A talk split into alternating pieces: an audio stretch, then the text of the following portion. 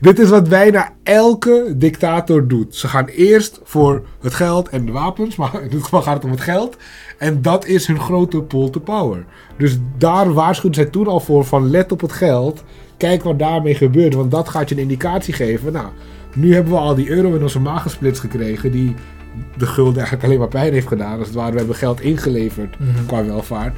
En nu zijn we dus overgeleverd aan ja, andere landen die ook over ons geld gaan beslissen. Ons pensioengeld, ons spaargeld. En ja, daar hebben we gewoon heel veel macht mee verloren via Ja. ons geld. Ja. Een persoon in onze samenleving vandaag de dag heeft een welvarender leven dan een farao die miljoenen slaven onder zich had. Als je daar gewoon over nadenkt, gewoon de welvaart die wij hebben nu, daar zou een farao niet eens van kunnen dromen wat we hebben. Gewoon een arm persoon in Nederland, iemand die met minimumloon soort van rondkomt. Terwijl die farao, die kan gebruik maken van de kracht, de spieren van miljoenen mensen. Maar zelfs hij is niet zo welvarend als een persoon die nu in Nederland fulltime werkt bij de McDonald's. En ik denk dat dat is de kracht van kapitalisme. Dat is wat je krijgt als je een systeem maakt waar mensen vrij zijn om waardes te keren, te kunnen handelen met allemaal andere mensen. Hoe we denken over geld, hoe we omgaan met geld. Welke regels de overheid maakt als het gaat om geld. Denk aan ook zaken als bitcoin en andere banken en andere valuta's. Dat dat een hele goede indicatie is voor waar we staan als het gaat om onze vrijheid en onze welvaart. En nou ja, als je dan kijkt naar de wereld van vandaag, dan zie je hele verontrustende trends. Of het nou gaat om dat cashgeld bijna wordt uitgeband. Dat je op steeds minder plekken überhaupt geld kan pinnen. Dat geld storten op je eigen rekening inmiddels geld kost. Dat sparen wordt ontmoedigd. Er zijn wel heel veel indicaties voor mij dat er iets duidelijk mis is. Want de overheid is echt ja, geld aan het beperken op allerlei manieren. Ze willen geld beheersen. Geld in die zin is niet het einddoel wat je hebt. Het is een middel wat je uiteindelijk kan gebruiken om bepaalde waardes te eh, vervullen die je hebt in het leven. Maar op het moment als je die waardes niet hebt of je niet weet wat is nou jouw doel in het leven, wat is belangrijk voor jou en je enige wat voor jou belangrijk is om zoveel mogelijk geld binnen te harken, dan maakt geld uiteindelijk niet gelukkig.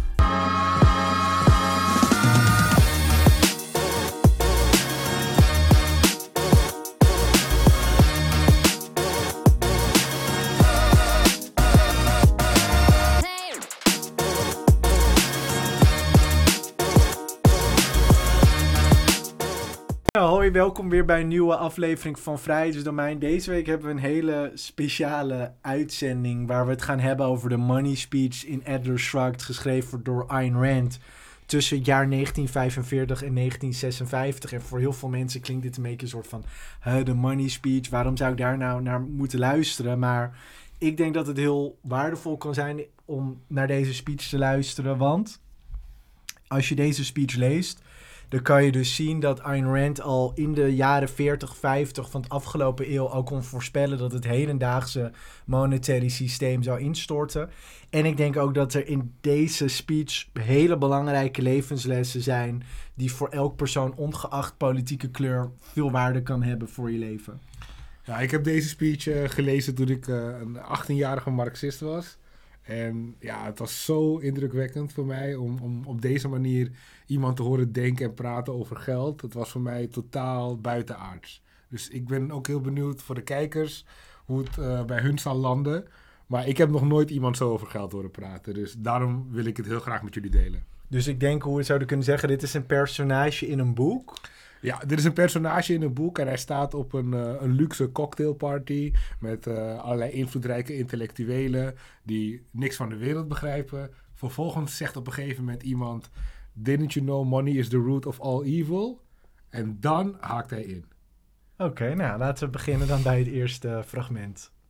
So you think that money is the root of all evil, said Francisco d'Anconia. Have you ever asked what is the root of money? Money is a tool of exchange, which can't exist unless there are goods produced and men able to produce them. Money is the material shape of the principle that men who wish to deal with one another must deal by trade and give value for value. Money is not the tool of the moochers who claim your product by tears, or of the looters who take it from you by force.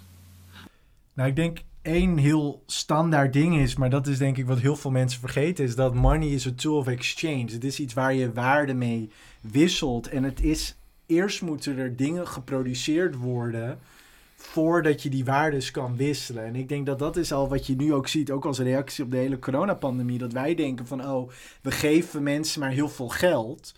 En dan creëert dat soort van waarde. Maar dat is natuurlijk niet hoe geld uiteindelijk wordt gecreëerd. Geld wordt gecreëerd door producenten, door ondernemers die daadwerkelijk waarde creëren in een samenleving.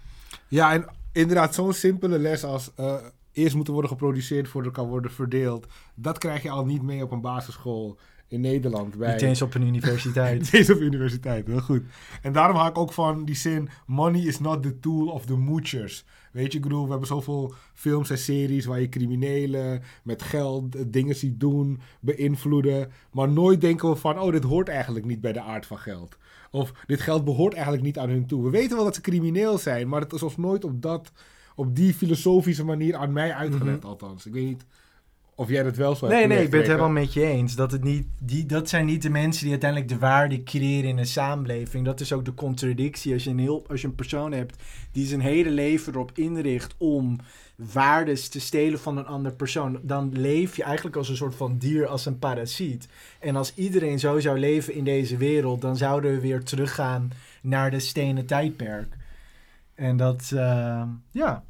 Dus zullen we dan naar het volgende? Zeker. Okay, let's go.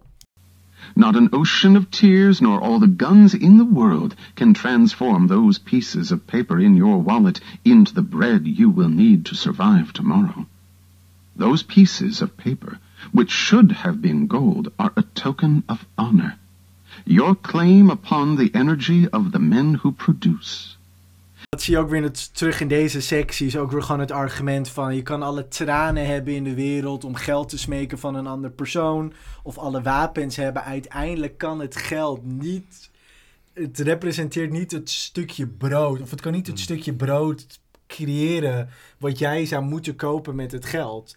En dat, ik denk ook, je ziet het hier ook, wat ze ook al heel duidelijk zegt, is van die pieces of paper, zeg maar, het geld, dat zou goud moeten zijn. Want dan is het iets wat niet gemanipuleerd kan worden. Maar de combinatie in deze speech komt ze daar ook verder bij op terug. En het is ook een token of honor. En ik denk dat is ook iets dat wij kijken soms naar mensen die geld hebben als iets negatiefs. Maar op het moment als jij waarde creëert dan voor een ander dan is dat ook een soort van dat jij de ja hoe kan ik dat het beste zeggen? Dat jij waarde keert en door het feit dat jij zoveel waarde keert kan jij weer de energie claimen van andere mensen die ook produceren. Dat is eigenlijk een hele mooie vreedzame in zo'n samenleving zou zou je eigenlijk aan iemands welvaart al iets af kunnen lezen aan die persoon. In onze huidige samenleving loopt alles door elkaar. Dus hier kan iemand in een Maserati rondrijden, maar dat betekent niks. Die persoon kan een politicus zijn. Het kan een of andere woningbouwcorporatiedirecteur zijn die die job via via heeft gekregen. Of het kan iemand zijn die keihard heeft gewerkt. Ja. Maar in een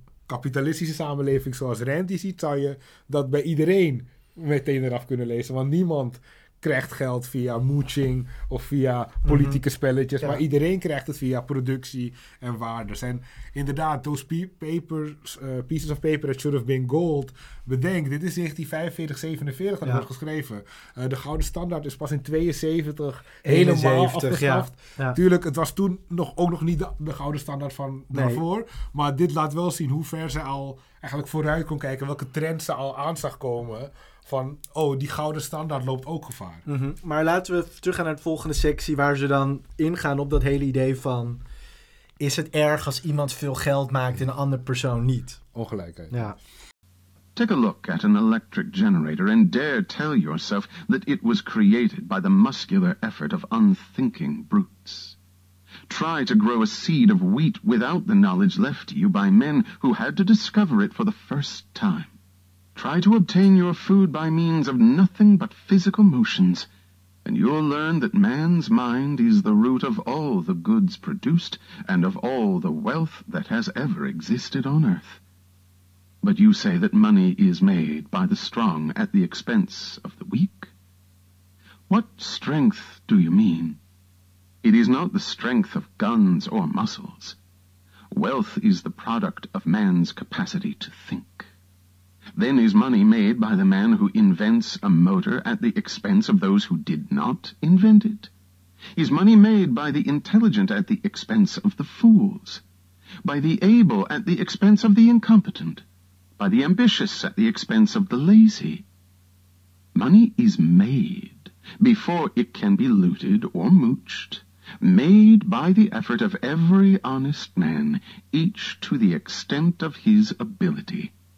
Wat ik zo mooi vind in dit gedeelte is dat idee dat geld echt voorkomt uit de kracht van je brein en niet de kracht van je lichaam. En zeker als we terugkijken naar eerdere, meer primitieve tijden in de mensheid, was het inderdaad zo dat je brein kon geweldig werken. Maar als je inderdaad geen moskels had of je niet kon verdedigen, dan was je juist een van de zwakste in de samenleving. En juist kapitalisme heeft ervoor gezorgd dat we nu in een wereld leven waarin juist de nerds heel veel geld kunnen verdienen. Dus of het nou een Zuckerberg of een Bezos of een Gates is.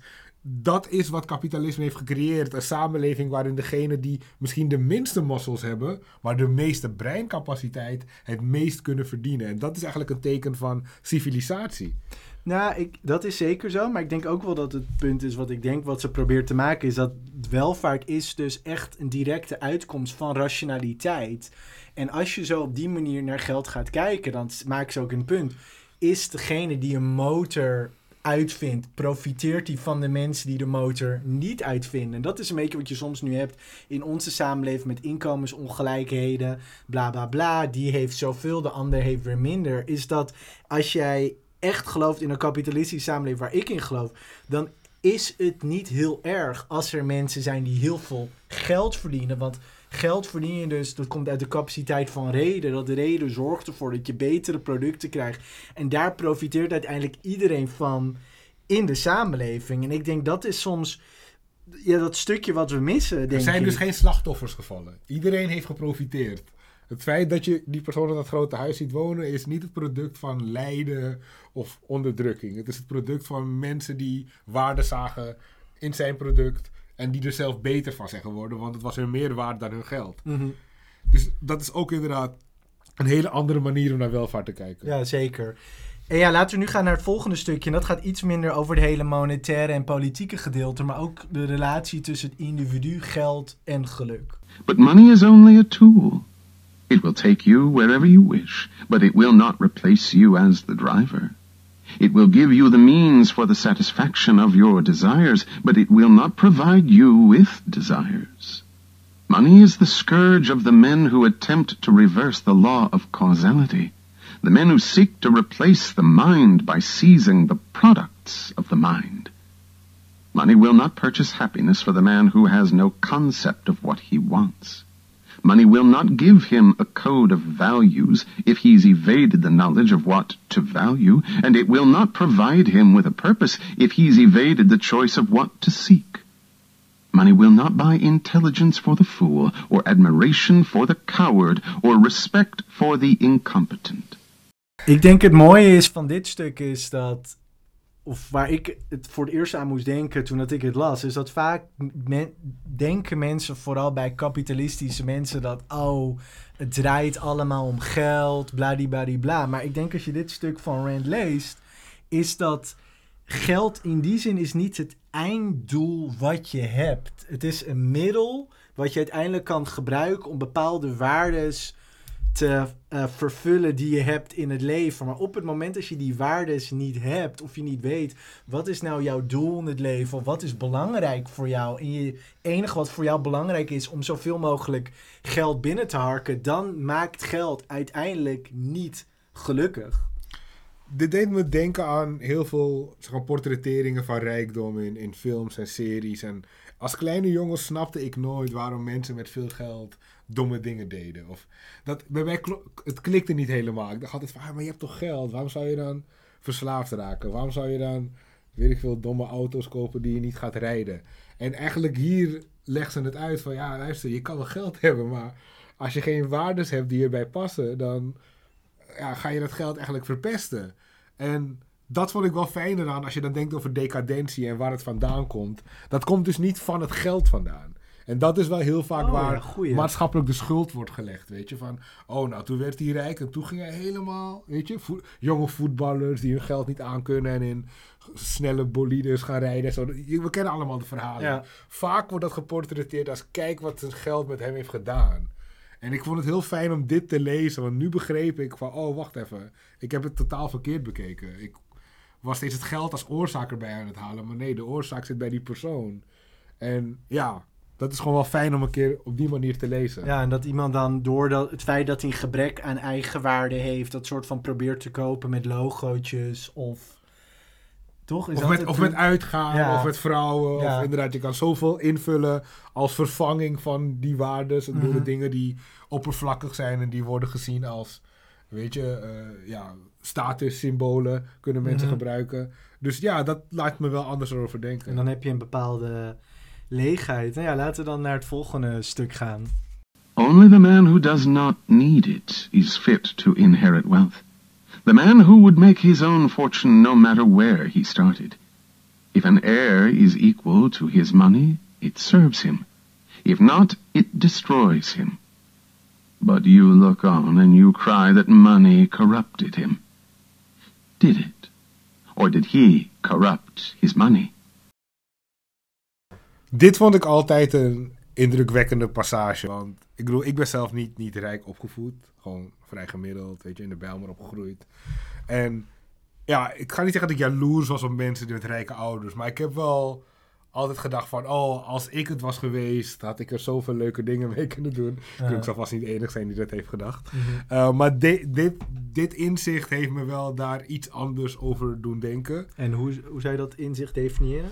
Ja, het, inzicht is eigenlijk dat iemand die heel rijk wordt, wordt opgevoed, maar niet zeg maar waardig is, dus geld niet respecteert, niet weet waar geld vandaan komt, geen respect heeft voor het werk dat zijn ouders of wie het geld heeft nagelaten aan hem heeft gegeven, dat die persoon eigenlijk ehm, niet gelukkig is, A. En dat die zichzelf waarschijnlijk zal vernietigen. Dus dat, dat je eigenlijk helemaal niet jaloers hoeft te zijn op zo'n persoon. Het is bijna een vloek voor hun, op een rare manier. Ja. Voor jou zou het geen vloek zijn, Tenzij maar voor het- hun wel. Precies, dus we hebben het nu soort van over een, een fortuin of een loterij die je zeg Ja. maar wint. En ben je daadwerkelijk capabel om dat fortuin uit te breiden met andere woorden? Jij kan productief zijn en succesvol. Of kan je dat niet? En als je het niet kan zijn, dan vreet je het soort van langzaam op. En dan heb je eigenlijk heel weinig eigenwaarde. Want wat is nou het succes wat jij bereikt in het leven? Toch? Dat is ook de reden dat heel veel mensen die een loterij winnen, die zijn dus ongelukkig uiteindelijk, toch? Dat is wat je eh, wilt ja, zeggen. dat, ja. dat, dat komt inderdaad door hun waardes, maar ook eh, ja, gewoon het hele idee dat mensen dan ook weer, net als bij de Hollywoodsterren en de voetballers, hebben mensen vaak de neiging om te zeggen: het geld, dat komt door het geld. Maar in dit geval is het weer niet zo. Het is weer de persoon. En ik vind het dan mooi hoe ze eigenlijk zegt: een, een, een erfgenaam die als geld wegpist, die is zijn geld niet waard. Hij heeft eigenlijk zijn geld teleurgesteld. Mhm. En niet het geld heeft hem teleurgesteld. Ja. Dus ik vond dat een, een mooie nieuwe manier om na te denken. En ook om dat jaloerse stemmetje wat iedereen soms kan Ja. hebben... eh, even van perspectief te geven van... hey, jij had hier heel gelukkig mee kunnen worden... als jij die 10 miljoen had gekregen... Mhm. in jouw huidige situatie. Ja. Maar je hoeft niet jaloers te zijn op hem. Ja, ik zou je zeggen dat ik daar dus een... Grappig dat je het zegt, want je had het over dat je op bent gegroeid in de Belmer. Ja, Ja. ik ben ook dus eh, daar ook opgegroeid in een familie waar soms ook heel weinig geld was in sommige periodes. Maar ik ben opgegroeid in Amstelveen en in mijn omgeving had ik heel veel rijke vriendjes. En desondanks het feit dat ik in mijn periode, dus in mijn jeugd, best wel arm was, zag ik ook bij huishoudens van rijke mensen dat die mensen helemaal niet gelukkig waren en dat er problemen waren in dit en dat. Dus eigenlijk al op hele jonge leeftijd kwam ik er al een soort van achter van... hey, geld is niet hetgeen wat je gelukkig maakt. En ik denk dat dat misschien het voordeel is dat ik ben opgegroeid in Amstelveen. Dat jij dat iets minder had Ja, nee, want ik ben inderdaad niet echt in de met, met rijke mensen opgegroeid. En als ik naar tv keek en ik zag dan zo'n gezin die in een groot huis woonde... en die dan problemen hadden, dacht ik ook vaak aan mezelf van... Je bent rijk, Ja. je hebt geld, Ja. really, kan je dit niet oplossen? En ja, ik denk dat dit me wel misschien daar wat realiteitszin in heeft gegeven. Mhm. Ja, inmiddels heb ik wel rijke mensen ontmoet in mijn leven, maar dat was niet zo eh, als eh, jonge jongen. Ja, Dus eh, nu heb ik een wat vollediger beeld, maar maar gek dat nog heel veel mensen dat denken. Hè? Dat echt geld Dat maakt gelukkig. Terwijl je hebt zoveel voorbeelden. Als je nou Elvis Presley of al die mensen die zwemmen in het geld en zo depressief als wat. En ik vind het raar dat er nog steeds heel veel mensen zijn die die connectie niet kunnen maken. Maar ik zal je zeggen, ik denk nog steeds dat ik van geld wel gelukkig word. Maar dat komt omdat ik denk dat ik het waardesysteem heb. Dus nee, maar omdat ja. jij zou weten van, oh, met dat geld zou ik precies Ja, dat, ja, zeg ja. maar. Nee, dat begrijp ik. In Ja. die zin zou mijn leven ook gelukkiger zijn als ik morgen een miljoen heb. ja. Maar wel omdat ik een idee heb van, oh, wat zou ik met het miljoen willen doen? Aan een soort van creatieve dingen waar ik mezelf weer zou kunnen challengen qua mogelijkheden. En natuurlijk hangt het ook van de situatie af. Want ik heb ook deze gesprekken maar eens met mensen gehad in Marokko die echt arm zijn. En dan probeer ik hen ook te vertellen van, hé hey, luister, er zijn hele rijke mensen in Nederland met hele dikke auto's. Die zijn ook unhappy zoals hoe jij unhappy bent. En dan is dat voor hun heel moeilijk om dat soort van te bevatten. Maar natuurlijk is het wel zo dat een bepaalde basis, als je dat hebt, dat maakt je natuurlijk wel legit gelukkig op Zeker. een bepaalde manier. Maar alsnog, het is niet altijd een. eh, het is geen garantie voor eh, blijheid eh, en succes. eh, en succes. Maar laten we gaan naar de volgende sectie. Waar we, ja, laten we gaan naar de volgende sectie. Do not envy a worthless heir. His wealth is not yours, and you would have done no better with it. Do not think that it should have been distributed among you. Loading the world with fifty parasites instead of one would not bring back the dead virtue which was the fortune. Money is a living power that dies without its root. Money will not serve the mind that cannot match it. Ja, dus hier gaat ze een beetje door op het idee van die waardeloze erfgenaam. En ik vind het prachtig dat ze zegt van... Het had de wereld niet geholpen als we 50 parasieten hadden gehad in plaats van één. En wat ze daar denk ik mee bedoelt is dat je het idee hebt van oké, laten we maar een soort van erfbelasting hebben. Want het is niet eerlijk dat die persoon die geen waarde heeft gehad. Geluid dat heel populair is in Nederland de Ja. laatste tijd. Inderdaad van, oh, als we gewoon alleen maar die 10 miljoen hadden kunnen verdelen over heel Nederland. Dan Ja. was het land beter geweest. Ja. En ik denk dat ze daar korte metten mee probeert te maken. Ja, ook. precies. Want het fortuin, dat verdwijnt. En ik denk, ik maakte net ook dat bruggetje in mijn eigen hoofd. Dus dat was ook in het eer- begin van de speech. Heeft ze het dus over van, het is, geld is de claim die jij hebt op de energie van andere mensen. Mhm. En op het moment, als jij niet soort van energie of iets kan creëren voor mensen wat mensen willen hebben, dan gaat eet je, je vreet het geld uiteindelijk soort van op. En dat kunnen we ook doen. We kunnen alle het geld pakken van alle rijke mensen. Maar uiteindelijk creëer je er niet het fortuin mee. En dat zegt ze ook van money will not serve the mind that cannot match it. En ik denk dat is zeg maar de essentie van alles. Maar dat is ook wel lastig om erover na te denken. Want bijvoorbeeld als we kijken naar eh, arme landen in de wereld, weet ik veel, Afrika, Azië. Mhm. Je zou denken, als we die mensen alles zouden geven wat wij nu hebben. en ze gewoon zouden zeggen hoe wij nu leven of zo. dan zou hun leven enorm verbeteren. Dat is Mhm. gewoon hoe een brein zou kunnen werken. Maar Ja, de werkelijkheid is gewoon heel weerbarstig. En dat is best wel een lastig iets om mee eh, in het reinen te komen, vind ik zelf. Dat, waarom? als in, je zou graag willen dat het zo werkt. Je zou graag willen dat we een dorp in Afrika kunnen nemen. Ja. En kunnen zeggen, we geven iedereen een nieuwe keuken, eh, hygiënisch. Alles is op en top. Hier is een handleiding, hoe je alle instrumenten moet behandelen. Ja. En dat het dan gewoon, het, dat dan het levensniveau als het ware een paar gradaties omhoog gaat. Ja. Maar dat is gewoon niet zo. Ja. En dat is ja, best wel een lastige realiteit om te erkennen. Zeker als je in de politiek bezig wil zijn en Mhm. weet je, kapitalisme wil verspreiden. Dat je ook moet beseffen van nee, zelfs dat zou niet werken. Mensen moeten het echt zelf maken, grotendeels. Mhm. Je kan ze een klein beetje helpen, maar het moet echt, weet ik veel, 80% uit hunzelf komen. En ja, je kan ze gewoon niet ons leven geven, al Nee. zou je dat willen en al zou je het geld hebben. Maar dat is niet wat de meeste politici jou zouden willen vertellen of het onderwijs jou probeert te vertellen. Want zij willen die oplossing kunnen geven. Dus in plaats van dat ze de verantwoordelijkheid zetten bij het individu van werk hard, doe je best. Dan is het gewoon van, oh stem op mij. Ik fix die quick fix. Dat jij wel opeens soort van succesvol kan Ja. zijn. En ik denk dat dat weer dat stukje van zelfverantwoordelijkheid is wat het eh, afneemt. Maar wil je nog iets over zeggen? Zullen we naar de volgende Ga sectie? naar de volgende. Oké, top. But money demands of you the highest virtues, if you wish to make it or to keep it. Men who have no courage pride or self-esteem, men who have no moral sense of their right to the money and are not willing to defend it as they defend their life, men who apologize for being rich, will not remain rich for long. They are the natural bait for the swarms of looters that stay under rocks for centuries, but come crawling out at the first smell of a man who begs to be forgiven for the guilt of owning wealth. They will hasten to relieve him of the guilt and of his life, as he deserves.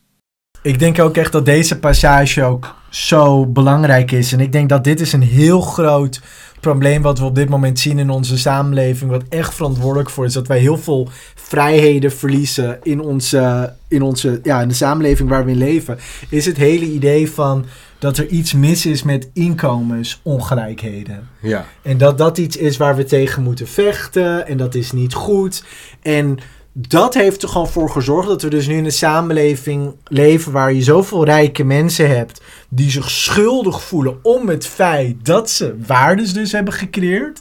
Dat dat uiteindelijk ervoor zorgt dat je intellectuelen krijgt, politici krijgt, die dan zullen zeggen: Oh, jij voelt je schuldig dat je zoveel geld hebt. Weet je wat? De overheid gaat het van je afpakken. We hebben het wel eens ook hier besproken in die video over de Great Reset. Een van de pijlers ook van de hele Klaus Schwab-plan is om inkomensongelijkheden een soort van terug te dringen. Dat je uiteindelijk een soort van grote papa-staat heeft die gaat bepalen wie wat moet krijgen. Wat een soort van quasi-communistisch. Het is, het is eigenlijk de moderne aflaatbrief, zoals vroeger bij de katholieke kerk. Dan nu is het van, jij hebt gezondigd, want kijk hoe succesvol jij bent geweest in jouw leven. Ja. Betaal nu belasting aan de overheid en, en, en roep overal dat rijken meer moeten worden belast en dat je heel veel geeft om het milieu. En dan is dat ja, jouw, jouw aflaat aan de samenleving. Daarmee maak je het goed wat je ons hebt aangedaan. En wat je ons aangedaan is dat je heel succesvol was. Totaal bizar natuurlijk. We zouden deze mensen moeten bedanken, maar niet moeten bestraffen. Ze zouden niet eens een aflaat nodig moeten willen hebben. Ze zouden niet eens moeten denken aan een aflaat. Maar we hebben het zo geperverteerd, ons morele stelsel, dat ja, we dus eigenlijk nu die rijke mensen in een soort van houtgreep houden. En sommigen maken daar misschien handig gebruik van Mhm. voor andere doelen. Maar dat, dat basisidee is al heel pervers. Mhm. Ze zouden geen aflaat nodig moeten hebben. Als ze iets willen doen voor de samenleving, Ja. is dat fijn. Ja. Als ze graag voetbalveldjes willen aanleggen, omdat ze houden van voetbal, hartstikke mooi. Maar het zou niet moeten voortkomen uit een soort onterecht schuldgevoel, maar gewoon uit een passie voor voetbal bijvoorbeeld. Mhm. Wat ook hun waarde is. En dat is gewoon doodzonde. Want ja, waar, waarom zouden we deze perverse route opgaan? Als we ook gewoon nog welvarender hadden kunnen zijn door iedereen juist toe te juichen die geld verdient. En dat een soort maatschappelijke status te geven. eh, van, oh wat goed dat jij mooi onderneemt. Ik weet niet, het is heel raar hoe we in deze plek zijn terechtgekomen. We hebben dat misschien wel uitgelegd in eerdere uitzendingen, maar Ja, wat Ja. er zo'n belangrijke scheidslijn denk ik wel die we moeten trekken is dat wij hebben het niet over de mensen die rijk worden door de overheid. Of die de overheid gebruiken om zichzelf te verwijderen. En misschien een goed voorbeeld is Sievert van der Linde. Of een crimineel. Ja. Of daar hebben we het niet over. We hebben het nu over een persoon, laten we zeggen Philips, de Philips familie. Die nieuwe producten maakt, cd's, lampen. En die zo heel erg rijk worden. Maar zo eigenlijk de wereld een veel betere plek maken. Daar hebben we het zeg maar over. Wij gooien nu soort van alles op één hoop. En alle mensen die geld hebben, die hebben het soort van weer, weer weer terug te komen. Degene die de motor heeft uitgevonden, die pakt geld van de mensen die het niet hebben uitgevonden. De mensen die intelligent zijn, de mensen die gedisciplineerd zijn, hard werken, die pakken het van de mensen die dat niet hebben gedaan. We draaien het soort van helemaal om. En dan geven we een soort van eigenlijk een open brief aan de overheid om eindeloos te kunnen groeien. Want er is altijd iemand in de samenleving die een gebrek heeft aan iets. En je hebt iemand die een overvloed heeft aan iets. En als diegene met overvloed dan daarvoor moet gaan boeten, dan ga je dus. Een van de belangrijke dingen ook van een samenleving is het eigendomsrecht. Een van de belangrijkste ingrediënten wat er ooit voor zorgde dat Nederland zo rijk werd. Dat buit je zo langzaam uit. En dan, ja, dan is uiteindelijk iedereen is, is er slechter, ja, is er slechter aan toe. Nee, het is een go- goed punt wat je maakt. Die types als Siewert, die moeten zich schuldig voelen. Want die hebben Ja. iets fout gedaan. Dus voor hun is het heel gezond om zich schuldig te voelen. En als zij hun, hun belasting willen zien als ze aflaat... Oké, ik bedoel... ze zitten sowieso al op het verkeerde spoor. Mhm. Dus dan nog een verkeerde afslag maakt dan niet heel veel meer uit. Maar dat is dus inderdaad niet waar we het over hebben. We hebben het over de mensen die door productie rijk zijn geworden. Niet door politieke connecties of een of andere foute deal Mhm. eh, waar ze bij zijn betrokken. Maar niet eens per se, misschien dat mensen denken, niet ook per se alleen productie. Iemand die heel leuk een liedje kan zingen. Tuurlijk, leuk- artiesten, kunstenaars. Alles, ja. weet je, in die zin. Als het maar gewoon op een vrijwillige manier verdiend is, dat jij waardes krijgt ja, door mensen die op een vrijwillige manier een transactie met je aan willen gaan. Maar laten we maar naar het eh, volgende stuk gaan. Then you will see the rise of the men of the double standard, the men who live by force, yet count on those who live by trade to create the value of their looted money, the men who are the hitchhikers of virtue. In a moral society, these are the criminals, and the statutes are written to protect you against them. But when a society establishes criminals by right and looters by law, men who use force to seize the wealth of disarmed victims, then money becomes its creator's avenger. Such looters believe it safe to rob defenseless men once they've passed a law to disarm them. But their loot becomes the magnet for other looters who get it from them as they got it. Then the race goes not to the ablest at production, but to those most ruthless at brutality. When force is the standard, the murderer wins over the pickpocket. And then that society vanishes in a spread of ruins and slaughter. Ik denk dat dit het pad is wat we op dit moment bewandelen als samenleving. Dat ze zeggen van nou dan hebben we de mensen met de dubbele standaard. De mensen die eh, rekenen op de mensen die daadwerkelijk vrij handelen. Om dat geld dan uiteindelijk soort van te gebruiken. En dat is denk ik gewoon de overheid die we op dit moment hebben. Is dat ze kraken kapitalisme, vrijheid, de ondernemers, de rijke mensen continu af. Maar toch moeten ze uitgezogen worden de deugden die zij hebben om hun programma's dan te kunnen creëren. En dan pak je eigenlijk dus, wordt de overheid een soort van apparaat waar zij de rechten zo instellen dat zij van hun of unarmed victims hun welvaart gewoon kunnen wegzuigen. Ja, dit, ik denk hier bijvoorbeeld aan de fossiele industrie. Weet je, een van de meest verketterde industrieën door echt politici soms van beide kanten. Maar ja, wat, wat maakt onze wereld dat de wereld draait? Wat maakt dat al onze kleren kunnen worden geproduceerd? Dat is Ja. diezelfde fossiele industrie. Dus dit zijn inderdaad de men of the double standard. En zij zouden in een normale samenleving worden gerekend tot criminelen.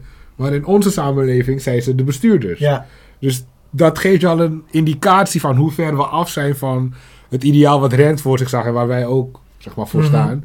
En en ja, het trekt dus meest slechte mensen aan die nog meer willen pakken, nog meer willen pakken. klopt, want dan krijg je allemaal types als die Ed Nijpels die dan in de groene industrie gaat. En dan krijgen we Greta Thunberg types die worden gelanceerd. Dus je ziet ook dat de mensen die zich daaromheen bewegen, zijn niet de beste mensen, om het zo te zeggen. Nee. Het zijn niet de meest productieve mensen. Het zijn niet de mensen met het meeste respect voor privaat eigendom. Het is vaak juist het tegenovergestelde. Eh, Mhm. Dus ja, ik denk dat ze, daar toen al, dat ze dat toen al zag. Natuurlijk wist zij niet waar het mee zou gebeuren, maar Mhm. we kunnen meerdere voorbeelden geven. En ik denk dat fossiele industrie een goed voorbeeld is. Heb jij misschien nog een andere? Nou ja, ik denk gewoon meer met politici in het algemeen, weet je. Want het gaat over dat hoe criminelen, ik denk dat ze daar politici mee bedoelt. Hoe zij door de wet worden verdedigd om te kunnen doen wat zij daadwerkelijk doen. Het welvaart pakken van disarmed victims. Wat gewoon een normale man op straat is. En dat maar, ja, laten we maar naar het volgende eh, stukje gaan.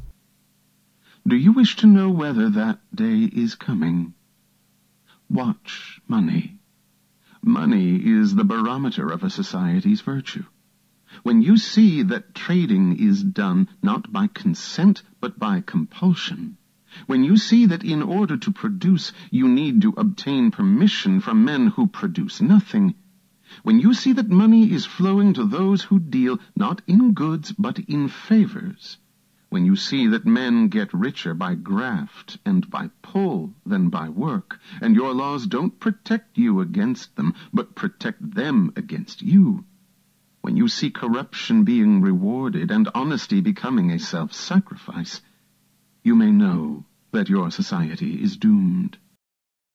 Mooi dat ze zegt dat geld een barometer is voor de waardes van een samenleving. Dus hoe we denken over geld, hoe we omgaan met geld, welke regels de overheid maakt als het gaat om geld. Denk aan ook zaken als bitcoin en andere banken en andere valuta's. Dat dat een hele goede indicatie is voor waar we staan als het gaat om onze vrijheid en onze welvaart. En nou ja, als je dan kijkt naar de wereld van vandaag, dan zie je hele verontrustende trends. Of het nou gaat om dat cashgeld bijna wordt uitgeband. Dat je op steeds minder plekken überhaupt geld kan pinnen. Dat geld storten op je eigen rekening inmiddels geld kost. Dat sparen wordt ontmoedigd. Er zijn wel heel veel indicaties voor mij dat er iets duidelijk mis is. Want de overheid is echt ja, geld aan het beperken op allerlei manieren. Ze willen geld beheersen. Ja, maar ik denk wel dat in dit specifieke punt het wel heel erg gaat ook over of de economie daadwerkelijk vrij mag functioneren. Of dat je bijvoorbeeld om te produceren permissie nodig hebt van mensen die niks produceren. Daar bedoelen ze dan denk ik de politici mee. Of waar vloeit het geld naartoe in de samenleving? Naar mensen die de speciale deals kunnen maken, zoals Siewert van der Linde of ING die een bail-out kan krijgen van de Nederlandse bank, maar Dirk Scheringa Bank, de DSB destijds niet. Als dat de manier is hoe een samenleving wordt georganiseerd, ja, dan krijg je dus steeds meer corruptie en een soort van vertroebeling van het politieke systeem. Want in, in Amerika heb je ook zo'n stat dat de acht rijkste counties, dus hoe zou een county een deel gemeente district District. een district, Ja. acht kleinste, rijkste districten in de VS, die zijn om Washington DC. Een van de rijkste districten ook in Europa is in Brussel. Daar wonen de lobbyisten, de mensen met de politieke connecties. En dat is waar het geld vloeit. En dat zie je denk ik ook in onze samenleving. Zie je dat ook gewoon gebeuren op een bepaalde manier. Ook met de medicaties die wij kunnen krijgen voor corona. Weet je, is dat echt de beste medicatie die wij kunnen krijgen? Of zijn dat de bedrijven die de beste connecties hebben met het ministerie van Volksgezondheid? En ik denk dat is dat stukje wat misgaat in onze samenleving. En wat hier ook wordt gezegd, dat op een gegeven moment het zo erg wordt dat eerlijkheid een soort van zelfopoffering wordt in het systeem.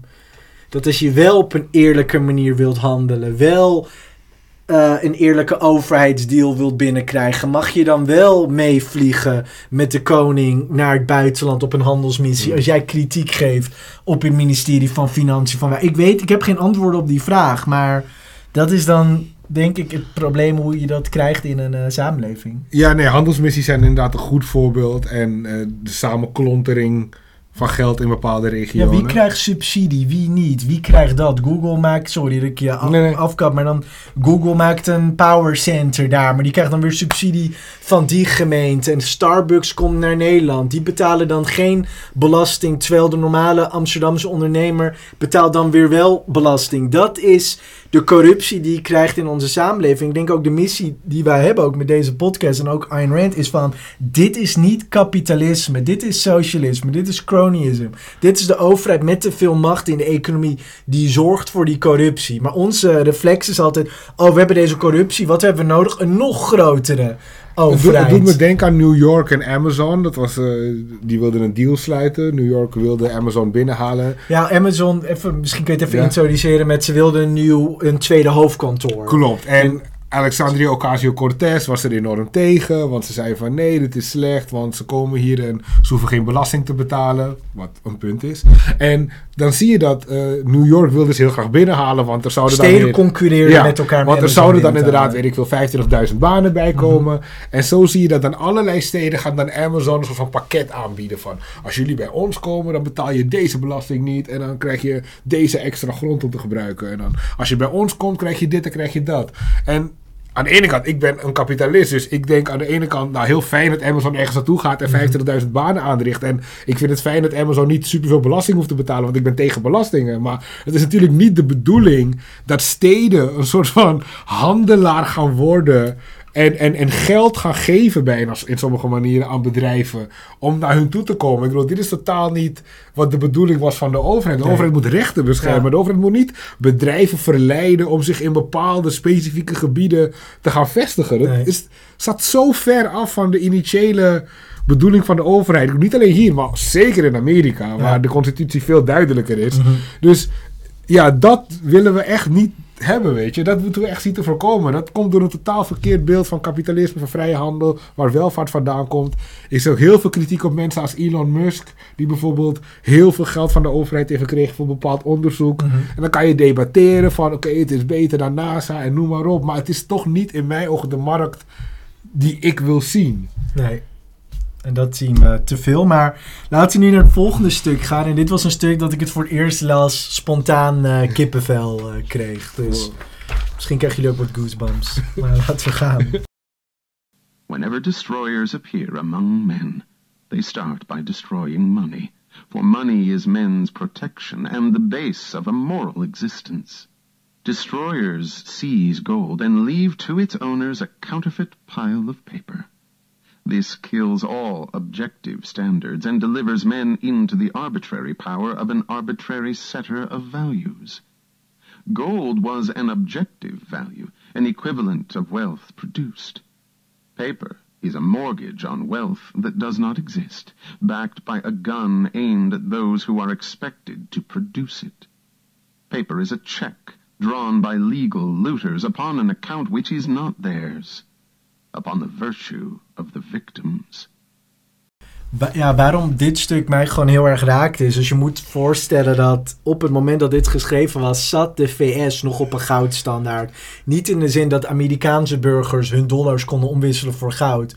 Dat kon al sinds 1933 kon dat niet meer. Maar buitenlandse centraalbankiers konden dat wel nog op dat moment. Dus elke...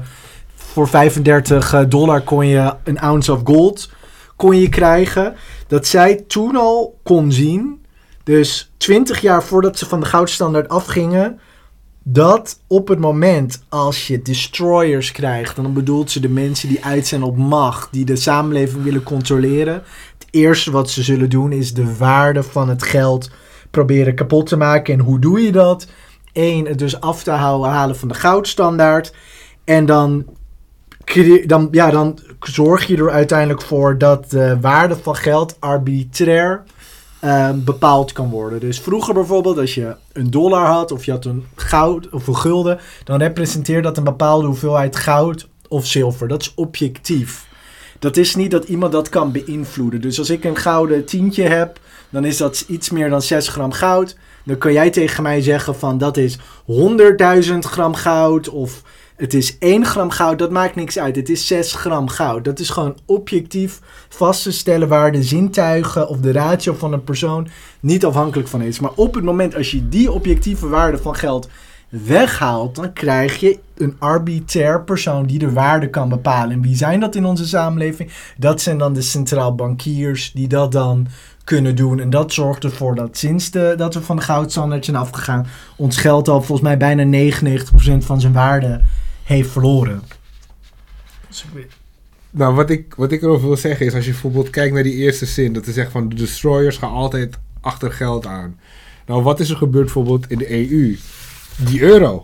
Ja, Dat was de grote power grab. Want door de euro hebben we de ECB gekregen. En de ECB kan dan het, het financiële beleid dicteren. Mhm. Denk aan al die dictators die een nieuwe brief uitbrengen. Of nieuw briefgeld. Of een nieuwe valuta uitbrengen. Of die het oude geld wegzetten en nieuwe papieren printen. Of het nou gaat om Maduro of... eh, of die in, Erdogan. of in Zimbabwe, Mugabe. Dit is, Zimbabwe, Mugabe. dit is wat bijna elke dictator doet. Ze gaan eerst voor het geld en de wapens, maar in dit geval gaat het om het geld. En dat is hun grote pull to power. Dus daar waarschuwden zij toen al voor van let op het geld. Kijk wat daarmee gebeurt, want dat gaat je een indicatie geven. Nou, nu hebben we al die euro in onze maag gesplitst gekregen die de gulden eigenlijk alleen maar pijn heeft gedaan. Als het ware, we hebben geld ingeleverd Mhm. qua welvaart. En nu zijn we dus overgeleverd aan ja, andere landen die ook over ons geld gaan beslissen. Ons Mhm. pensioengeld, ons spaargeld. En ja, daar hebben we gewoon heel veel macht mee verloren via Ja. ons geld. Ja. Nee, wat is wel interessant. Kan ook wel terugkoppelen, ook bijvoorbeeld met het hele idee van de euro. Waarom moeten wij dan als Nederland zijnde de zwakke eurolanden dan dienen. Want het gaat niet eens per se om welvaart. Er zijn landen in Oost-Europa, als Estland zit ook in de eurozone, hoeven nooit een bail-out te geven. Waarom moeten we dan die Zuid-Europese landen dan een bail-out geven? Waarom? Omdat wij hebben wel heel veel geld. Wij hebben wel heel veel welvaart. Wij moeten ons misschien ook soort van schuldig voelen dat wij meer hebben dan die Zuid-Europeanen. En dat is uiteindelijk soort van de filosofische bron die ervoor zorgt dat je zo'n belachelijk beleid kan gaan krijgen als dat. En daar gaat uiteindelijk heb je dan ook weer de mensen met connecties. Want waarom moet Griekenland zo nodig een bail-out krijgen? Dat is in principe ook niet om de Grieken zogenaamd te helpen. Dat is omdat banken als ING, BNP Paribas, Deutsche Bank heel veel obligaties hebben van de Griekse overheid. En die kunnen hun geld niet verliezen. Dus dan zie je gewoon hoe moraliteit en al die dingen soort van wordt samengevoegd in bepaald economisch beleid. Wat uiteindelijk gewoon slecht is voor het individu. Het is gewoon corruptie op corruptie op corruptie. Ja. Mooi gezegd. Nou, laten we gaan naar het volgende stuk. When you have made evil the means of survival, do not expect men to remain good. Do not expect them to stay moral and lose their lives for the purpose of becoming the fodder of the immoral. Do not expect them to produce when production is punished and looting rewarded. Do not ask who is destroying the world. You are. You stand in the midst of the greatest achievements of the greatest productive civilization, and you wonder why it's crumbling around you, while you're damning its lifeblood. Money. You look upon money as the savages did before you, and you wonder why the jungle is creeping back to the edge of your cities. Throughout men's history, money was always seized by looters of one brand or another, whose names changed, but whose method remained the same. To seize wealth by force, and to keep the producers bound, demeaned, defamed, deprived of honor. Wat ik frappant vind van deze passage is uh, eigenlijk dat punt wat ze maakt dat we staan in de meest productieve wereld waar we ooit in hebben gestaan. Dus het is nooit beter geweest in, in die termen. Uh, maar toch voelt het alsof er heel veel ontbreekt. En alsof dingen alleen maar slechter gaan. Alsof er meer slecht nieuws is dan goed nieuws. En hoe, hoe is dat mogelijk? Die combinatie van die twee ja, emoties of gevoelens, of hoe, hoe je het wil categoriseren. En, en zij zegt dus dat komt dus omdat we de wortel van die welvaart niet begrijpen. En dat zorgt ervoor dat we in een soort van contradictie lijken te leven. Of dat we een soort paradoxale ervaring hebben bij ja, dit geweldige, hoog, hoogwelvarende leven dat we eigenlijk leiden. Tenminste in het Westen dan. En ja, toch het gevoel van gemis en dat dingen achteruit gaan. Ik weet niet, Mhm. heb jij dat gevoel ook? Nee, ik, ik ben het helemaal met je eens. Ik denk ook dat mensen niet begrijpen van wat is de bron van de civilisatie wat ons heeft groot gemaakt. En ik denk dan, dan verlies je een beetje een soort van je zelfvertrouwen. Misschien zou je hetzelfde kunnen vergelijken met een succesvol golfer of zo. Die dan heel succesvol was, maar dan een soort van zijn trainingsmethode is vergeten. En dan gewoon niet meer weet van hoe kan ik dat succes weer behouden. Of hoe kan ik het verder brengen in de toekomst. En ik denk dat wel iets is wat een stukje is wat er mist in, in het Westen eh, in het eh, algemeen. Maar ik denk ook wel weer een goed punt wat ze hier maakt, is dat mensen dus op dit moment kijken naar geld als hoe de savages, wat is ook weer het Nederlandse, de barbaren, Ja. er naar keken in het verleden. En ik denk dat nu kom je weer dus weer terug op dat stukje van inkomensongelijkheid. Want dat is het punt wat ze probeert te maken, is dat wij denken dat welvaart op een soort van gefixte kwantiteit is. En op het moment dat je dus denkt dat de cake die we hebben, de economische taart, een bepaalde grootte heeft. Op het moment als iemand rijker wordt of je krijgt er meer miljardairs bij, dan denk je, oh god, dat betekent dus dat er mij iets wordt afgepakt. En uit die hele mentaliteit krijg je dan soort van het idee van... oké, dan moet het van die persoon A moet het pakken om het weer vervolgens weer te geven aan persoon B. En daar krijg je dus weer dat hele idee waar we dus geen respect hebben dus voor de producenten van welvaart. En dat wordt hier ook gezegd. Dat is altijd in het verleden hebben loerders, zeg maar politici, altijd hun methodes of hun, hun motivatie... of eh, hoe kan ik dat het beste zeggen? Hun... ehm, hoe kan ik dat nou zeggen? Hun... De motivatie of de... Ja, ik ben, even, ik ben het even kwijt, eh, mensen. Inspiratie? Ja, eh de, is, Ja, sorry, ik loop ook, eh, ik loop ook af en toe vast. Eh, ik heb een baby die eh huilt in de nacht. Is dat een goede smoes? Nee, maar ehm, nou ja, dat, dat, dat zeg maar politici in de geschiedenis van de mensheid hebben altijd verschillende smoesjes proberen te gebruiken om geld af te pakken. Maar uiteindelijk is de methode hetzelfde. En dat is dat je een soort van de producenten, de mensen die waarde creëert, slecht wilt laten voelen. Om het dan uiteindelijk van hun af te pakken. En ik denk dat in de volgende paragraaf ga je dus, denk ik, heel duidelijk zien. Zeg maar, wat is dan precies de kracht van het Westen. Het Westen hoe het ooit was.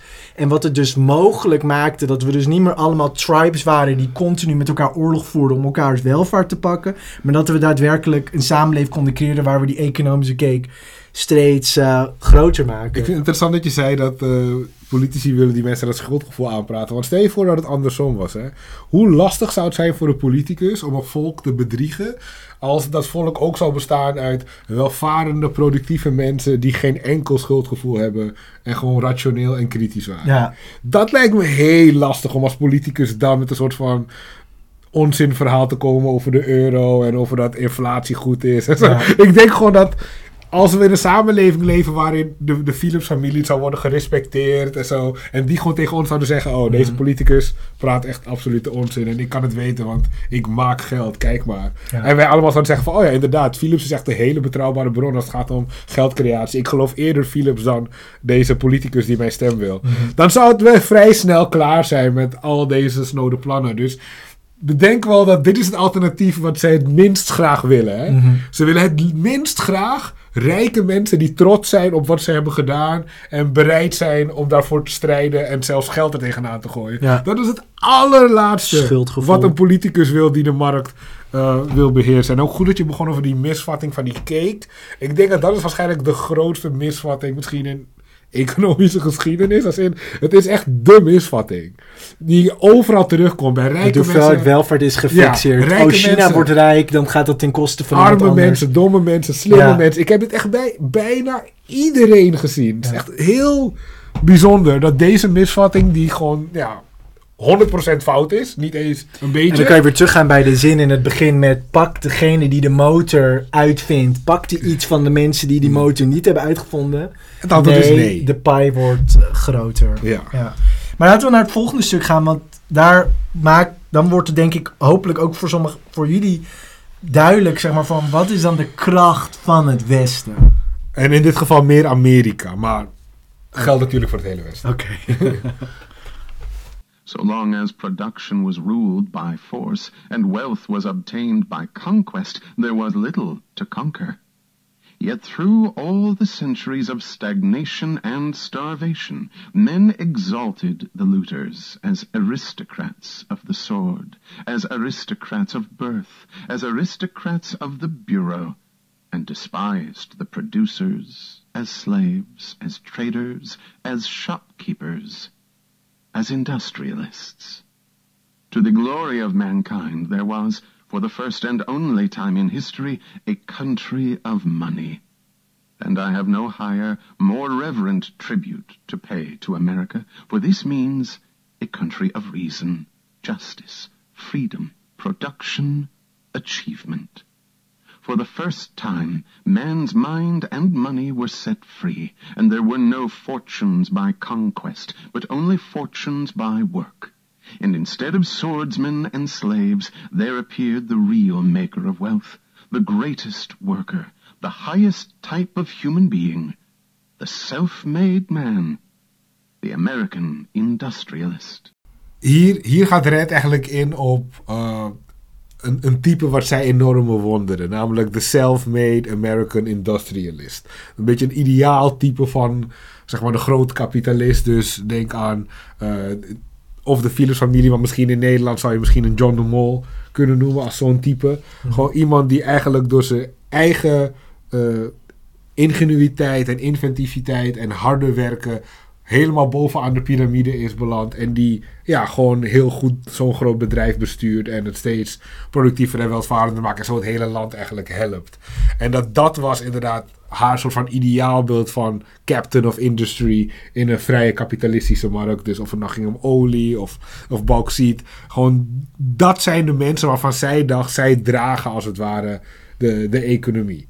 Zij zeggen maar de schouders waar wij, waar wij op staan. En daarom had ze zoveel respect voor hun. En daarom keerde ze zich zo tegen overheidsbeleid, wat eigenlijk erop uit was om die mensen ja, te slachtofferen. Voor het grotere goed. En ja, dan kan je afvragen, hoeveel van deze mensen hebben wij nu in Nederland? Ja, niet... Niet tot de verbeelding spreken. Waar je van weet, waar aandacht aan wordt besteed. Die publiekelijk worden eh, geëerd of gerespecteerd voor hun prestaties. Mhm. Ja, niet, nee, bijna niet. Ik, ik denk te weinig. Of niet in de zin dat we ze misschien wel zouden respecteren als, als zakenman of als ondernemer, maar dat we hem niet soort van morele respect geven. Dat we zeggen, oh, dit is een goed persoon. Klopt. Dat denk, ik, dat denk ik ook niet. Maar ik denk ook hier het punt wat ze hier ook maakt, is dat voor de eerste, en dat is dus wat het Westen zo bijzonder maakte, voor het eerst zetten we de geest van de mens, van individu, vrij, dat hij kon profiteren. En dat we dus geen fortuinen meer hadden die een gevolg waren van oorlogsvoering. Maar dat we alleen maar fortuinen hadden die gecreëerd werden door, door hard werken. Ik denk wel dat ik daar een goed voorbeeld zou kunnen geven. Want vroeger dachten we altijd van... hé, hey, je kan alleen maar profiteren door de vrijheden of de welvaart van andere mensen te pakken. Daarom hadden we ook altijd slavernij in de wereld. Omdat we dachten van, hé, hey, dat is goed voor ons, weet je. Maar als je er gewoon over nadenkt. Ik hoorde laatst dit, eh, las ik laatst in een boek van Ludwig von Mises. Als voorbeeld wat hij gaf, was dat als je er gewoon over nadenkt, dat een persoon in onze samenleving vandaag de dag heeft een welvarender leven dan een farao die miljoenen slaven onder zich had.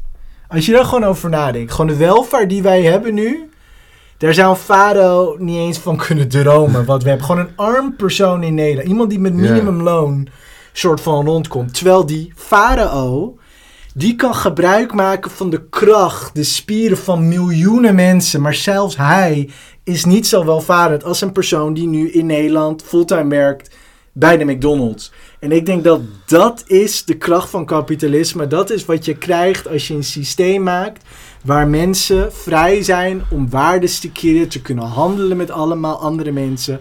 Dat dat er uiteindelijk voor zorgt dat de welvaart van de algehele samenleving omhoog gaat. Maar om dat te kunnen bereiken, dan moeten we dus afkomen van die altruïstische ethiek die we nu hebben. Is dat jij wel degene moet dienen die zwakker is. Dat jouw leven in, in doel moet zijn om continu andere mensen te dienen. En het is niet dat wij zo in de praktijk altijd leven als soort van, hey, hoe kan ik de medemens altijd dienen? Maar wat we wel zien is dat politici dit morele ideaal gebruiken om continu, stap voor stap, jouw vrijheden langzaam soort van te onderdrukken van je eigen leven. Dat het nu zelfs in Nederland zo ver gaat. En dit is misschien voor een andere discussie voor de volgende video. Maar dat de overheid er nu zelfs over begint te filosoferen. Om jou te kunnen verplichten dat jij een vaccin moet nemen. Zeg maar zo ver gaat dit uiteindelijk. Hoe we het individu ondergeschikt kunnen stellen aan de groep. Terwijl wat je juist moet hebben is dat de staat het individu moet dienen. En dat dat het doel moet zijn. En dat je dan een vrije samenleving krijgt. Wat uiteindelijk het beste is voor het individu. En uiteindelijk voor iedereen. En het frappante is dan dat gek genoeg de politici die beweren het op te nemen voor de armen het meest pro-kapitalisme zouden moeten zijn. Ja. Want als jouw doel in het leven is dat arme mensen minder arm zijn, dan zou je volledig moeten inzetten op kapitalisme. Want kapitalisme heeft wereldwijd armoede gedecimeerd. Maar wat we dus eigenlijk krijgen is, we krijgen een soort middelmaat. Dat wil zeggen, we, we kiezen een systeem waarin we als het ware de risico's van kapitalisme proberen uit te sluiten. Namelijk, we willen dat niemand op straat leeft. Maar waarbij we ook heel veel van de voordelen van kapitalisme dus niet krijgen. Namelijk een veel hogere welvaartsstandaard. Dus wat doen we eigenlijk? We kiezen ergens daar halverwege dat proces. Zeggen we van oké, we stoppen hier. En we pakken een deel van jouw inkomen af. En daarmee zorgen we ervoor dat sommige van de ergste dingen die zouden kunnen gebeuren onder kapitalisme niet gaan gebeuren. Maar de consequentie daarvan is wel dat we gewoon doffe middelmaat hebben.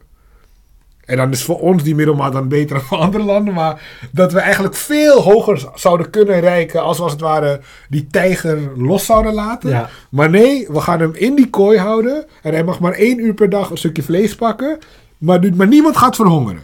Ja. Uiteindelijk is dat zelfs het laatste niet waar. Want Nee. alsnog verhongeren er mensen. Maar misschien hadden er anders meer mensen kunnen verhongeren. Omdat mensen dan vrij waren geweest. En dit hoor je ook van politici.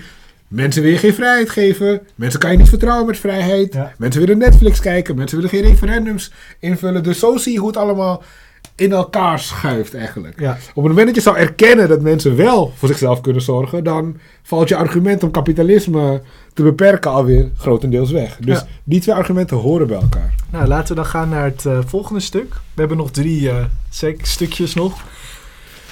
If you ask me to name the proudest distinction of Americans, I would choose, because it contains all the others, the fact that they were the people who created the phrase to make money. No other language or nation had ever used these words before. Men had always thought of wealth as a static quantity, to be seized, begged, inherited, shared, looted, or obtained as a favor.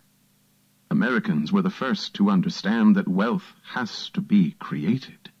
The words to make money hold the essence of human morality. Door deze passage kreeg ik ook meer begrip voor waarom Rand zo verliefd was op Amerika versus wat ze dacht van Europa. En inderdaad, dat verschil is dus dat in Europa is er gewoon geld herverdeeld tussen criminelen, overheden, weet ik veel, horigen en zo. Het werd niet echt verdiend. Het meeste geld werd gestolen, geroofd, herverdeeld. Maar er, werd, ja, er was gewoon weinig productiviteit in die zin zoals Rand het voor zich zag. En ik snap nou helemaal dat ze dan verliefd op Amerika. Omdat daar voor het eerst als het ware werd gedacht over geld maken. Zonder dat het dan ten koste hoeft te gaan van een ander. Dus niet door te roven, niet door her te verdelen. Of niet door belastingen te heffen op zaken. Maar door gewoon iets moois te maken wat de ander wil hebben. En dat dat inderdaad die term to make money heeft geïntroduceerd. Dat nu we denken over waar we het net over hadden, die taart, die vastgestelde taart, dat dat dus niet waar is. En dat dat Amerika groot heeft gemaakt. En ik kan me heel goed voorstellen dat zij vanuit de Russische perspectief die dat toen zag, dacht van wow, dit is zo ver vooruit. Nou, nou alleen, Ja. vergeleken met Europa, laat me het zo zeggen. Ja, nee, ik denk, ik denk het ook. Ja, ik heb over dit eh, stukje dan... eh, ik, ik pas voor dit, dit stukje. En als die niks over geld te zeggen heeft. Nee, nou, we gaan naar het volgende. Ik wil niet in herhaling vallen, Jernas. Yet these were the words for which Americans were denounced by the rotted cultures of the looters' continents. Now the looters' credo has brought you to regard your proudest achievements as a hallmark of shame, your prosperity as guilt, your greatest men, the industrialists, as blackguards, and your magnificent factories as the product and property of muscular labor, the labor of whip-driven slaves, like the pyramids of Egypt. The rotter who simpers that he sees no difference between the power of the dollar and the power of the whip ought to learn the difference on his own hide. Dus ja, dit is op een manier weer een hele mooie verwoording over waar we het eerder in deze podcast over hebben gehad. Is het hele idee dat het dus zo ver is gekomen dat we de trots, hetgeen wat mensen bereiken, de welvaart, de fabrieken, alles wat gecreëerd is, dat we dat nu zien als een soort van schuldgevoel of dat er iets slechts is wat er gebeurt, weet je. Zo kijken op dit moment ook naar fabrieken die we hebben. Dat is vervuiling, dat is slecht. En dat heeft soort van, ja, de wereld heeft dat op, op zijn kop gezet.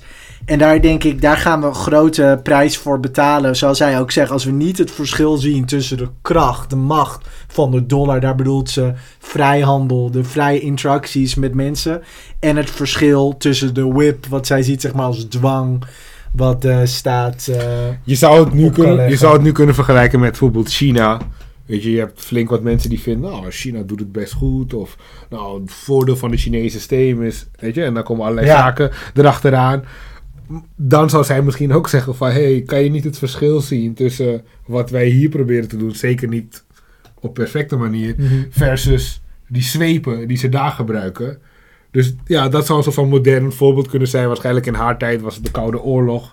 Wat de Sovjet-Unie zou vergelijken met, met de VS. Dus als je dat verschil niet kan zien, als je niet het verschil kan zien tussen, eh, weet ik veel, hoe een stad in Nederland organisch, semi-organisch is ontstaan, versus een Chinese dictatuur die gewoon spooksteden neerzet in de hoop dat daar mensen ooit in gaan Ja. wonen. Als jij dat verschil niet ziet, als jij denkt, dit is hetzelfde, het is gewoon een cultureel verschil, eh, ja, dan heb je het dus niet begrepen. Ik denk dat ze dat hiermee duidelijk wilden maken. Ja.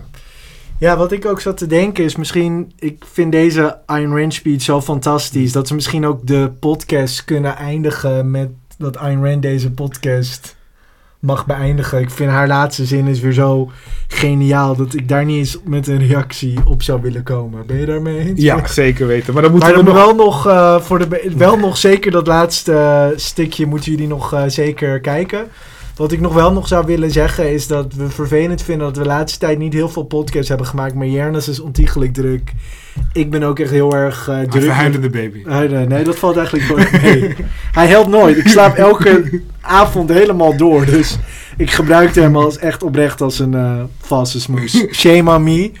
Maar we proberen echt nog de komende week voor het einde van het jaar nog een aantal eh, shows nog online te gooien. Volgende week sowieso niet, maar die week daarop wel. Dus, ehm, en nogmaals, oh, ik krijg ook wel eens reacties van mensen van... hey, wanneer begint die boekenclub nou? Ik krijg nog zoveel aanmeldingen van mensen binnen. En het idee wat ik altijd had was... ik zou heel graag een boekenclubs willen organiseren... waar mensen leven ongeveer in hetzelfde geografische gebied. Dat het makkelijker is voor mensen om samen te komen. En ik krijg nog best wel veel eh, aanmeldingen binnen... maar ik ga er wel binnenkort mee stoppen. En als ik ermee stop, dan ga ik echt verdelen van... oké, die kan het best in die club... omdat veel mensen bijvoorbeeld uit Amsterdam of Zuid-Holland... dus die boekenclubs gaan echt binnenkort beginnen. En voor de mensen die nog geïnteresseerd zijn... je kan je nog opgeven. Tot wanneer nog? Ik denk nog een week. Dan Nog is een het week, wel. Ja, het zijn er te veel anders. dus dat... eh, dus dat, dus ja, nogmaals, wil jij nog iets zeggen? Nee, we, we, we brengen jullie nog twee shows. En dan eh, denk ik dat het in januari wat rustiger wordt. Maar we laten jullie daar zeker nog eh, meer over weten. En dan geven we nu ja, het laatste woord aan uh, Ayn Rand. Ja, dankjewel. Tot volgende week. Until and unless you discover that money is the root of all good, you ask for your own destruction. When money ceases to be the tool by which men deal with one another, then men become the tools of men. Blood, whips, and guns, or dollars. Take your choice. There is no other, and your time is running out.